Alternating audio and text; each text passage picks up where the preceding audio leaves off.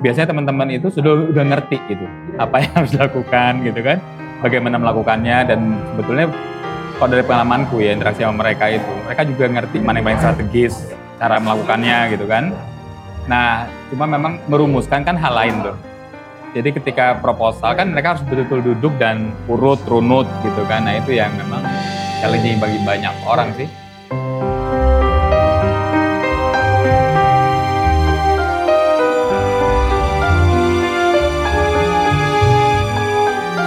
Selamat jumpa kembali pada podcast Ini Koper, inspirasi untuk komunitas perubahan. Saya Dani Wahyu Menggoro dari Inspirasi Tanpa Batas atau Inspirit. Barusan kita dengar pendapat dari Taufik Rinaldi, seorang aktivis dan juga konsultan profesional dan juga pemikir yang saat ini tinggal di Metro Lampung ketika saya menanyakan tentang apa yang kita bisa kembangkan untuk membuat sebuah proposal, apakah idenya dulu atau justru langsung ke teknis pembuatan proposalnya. Nah, Taufik menyampaikan bahwa sebenarnya banyak orang di lapangan itu tahu apa yang dilakukan, bagaimana caranya, mengapa begini, mengapa mengapa begitu. Tapi ketika kemudian diminta untuk membuat sebuah proposal, itu persoalan yang sangat-sangat berbeda. Karena berpikir runtut itu problem bagi semua orang, kebanyakan baik di Indonesia maupun di luar negeri.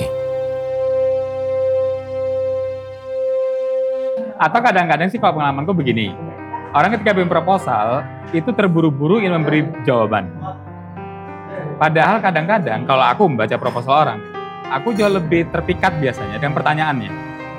Apa sih sebenarnya pertanyaanmu gitu? Nah, e, bisa jadi nggak relevan dengan interestku misalnya atau bidangku misalnya gitu. Tapi kalau kamu kasih pertanyaan yang baik, gitu, itu jarang sekali orang bisa mengabaikannya gitu. Misalnya begini, kira-kira jadi apa ya Indonesia kalau nggak ada orang yang mikir soal anak muda yang mikir soal budaya pangan lima tahun ke depan?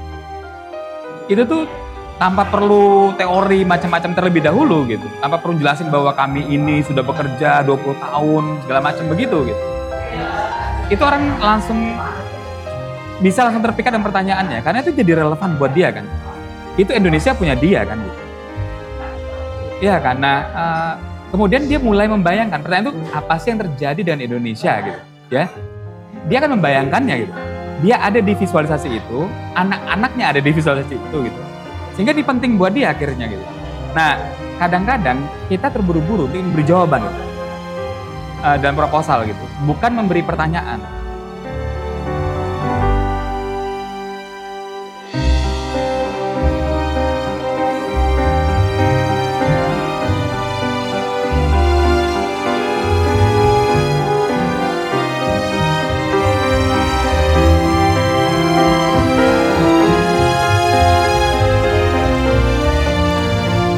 Sangat menarik ya pandangan dari Taufik Nardi berkaitan dengan proposal. Bagaimana sebenarnya sebuah proposal kita bisa mulai dengan sebuah pertanyaan. Pertanyaan-pertanyaan yang sangat kuat sehingga banyak orang tertarik untuk menjawab pertanyaan-pertanyaan itu.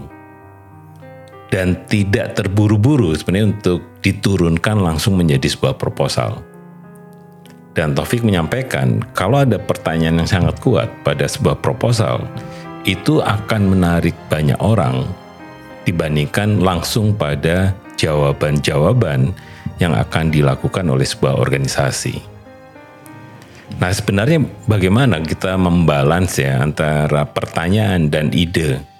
Kadang saya menyampaikannya adalah bahwa ide itu berangkat dari minat, dari panggilan dari data, dari informasi yang kita miliki, dari cara kita melihat dunia ini. Dengan cara itulah sebenarnya kita memiliki ide yang bisa dipercakapkan dengan banyak orang untuk kemudian dicari jalan keluarnya. Taufik punya pandangan-pandangan bahwa sebenarnya dengan pertanyaan-pertanyaan yang kuat, orang sebenarnya kemudian mengaktifasi gimana ya, gimana ya Apa yang sebenarnya kemudian menjadi pikiran-pikiran dan pengalaman Taufik di Lampung?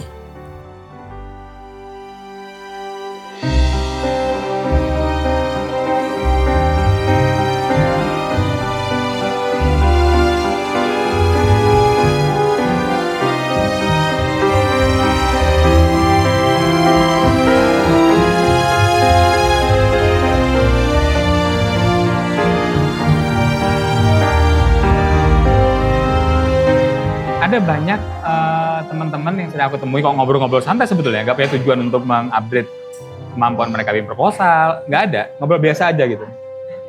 Tapi sering kali aku menemukan orang teman-teman itu terkejut juga gitu. Mereka baru realize setelah ngobrol gitu. Iya ya ide gue ini keren juga ya ternyata. Keren nggak? Kalau kamu nggak punya such confidence gitu untuk lihat bahwa apa yang kamu kerjakan atau bahkan apa yang kamu pikirkan saja gitu itu keren dan punya dampak penting gitu.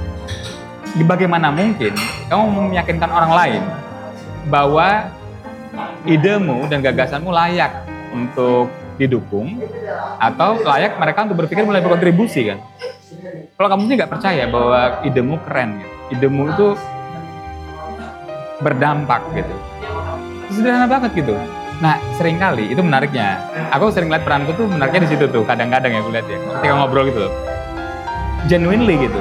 Aku sedang tidak buat dibuat atau ngerti ya? Nggak sedang dibuat-buat atau seperti kayak peres gitu ya kata orang yang angkat-angkat enggak juga gitu. Ngikutin aja cerita mereka gitu. Kemudian aku bisa mengenali gitu. Ini serius nih yang lo kerjakan. Misalnya begini contoh. Aku pernah ketemu sama orang yang dia uh, melakukan sebuah skill baru untuk ukuran. Aku tuh baru ya. Polarizing nah jadi foto hitam putih uh, zaman dari Belanda dulu penjajahan kolonisasi segala macam di Lampung itu sama dia di coloring gitu, diwarnain. Kebetulan beberapa saat sebelumnya juga aku pernah baca gitu. Maknanya dari colorizing itu, gitu, hitam putih jadi warna itu, itu nggak sesederhana bahwa foto itu kemudian jadi lebih bagus, lebih cantik. Enggak, bukan. Itu membuat orang merasa relevan.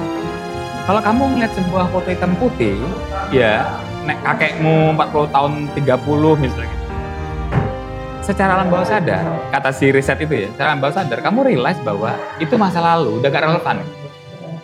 Atau belum tentu orangnya ada sebetulnya gitu. Nggak ada hubungan denganmu sekarang gitu.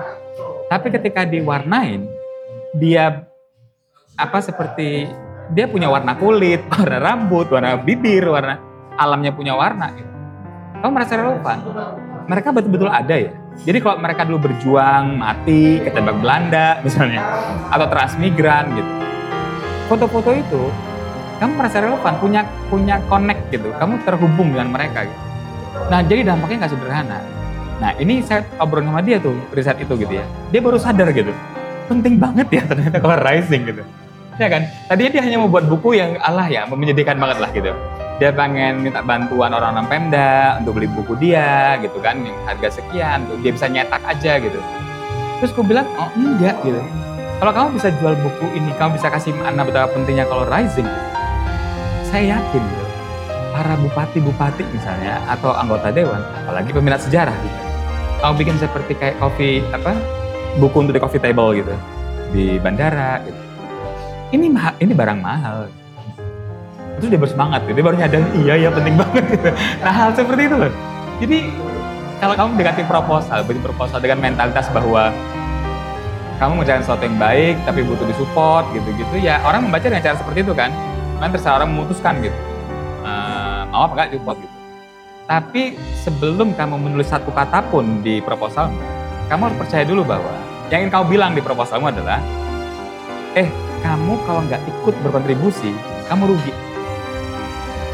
Gitu. Ya, kepada ya, si pembaca gitu kan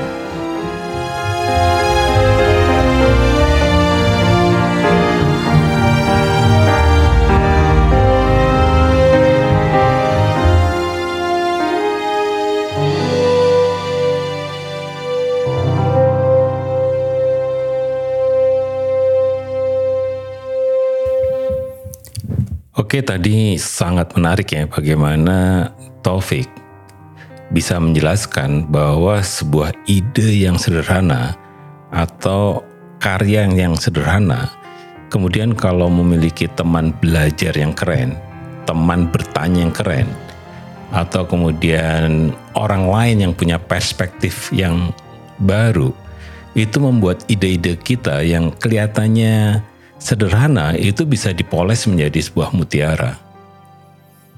Taufik melihat bahwa sebenarnya kaum muda ini perlu ditemani untuk menjadikan ide-ide yang seolah-olah sederhana dan bahkan output yang dibayangkan itu sangat simpel itu bisa dibuat menjadi sebuah output yang sangat luar biasa seperti gagasan tentang mewarnai foto-foto hitam putih yang lama itu bisa membuat sebuah apa ya mindset baru bagaimana kita terkoneksi dengan masa lalu kita. Taufik banyak melakukan itu sehingga sering kali saya juga kagum dengan cara Taufik mendengar ya, menyimak dari ide-ide anak-anak muda ini kemudian ditantang untuk menjadi ide-ide yang lebih segar dengan mengkoneksikan antara pengetahuan dan juga pengalaman Taufik ketika melihat bahwa sekecil i apa sekecil apa semacam sesederhana ide yang kita miliki itu sebenarnya punya peluang-peluang untuk dibuat menjadi sebuah ide yang luar biasa. Itu saja ini koper kali ini. Kami di Inikoper percaya berbagi apa pun akan bermanfaat bagi komunitas perubahan. Sampai jumpa pada edisi berikutnya.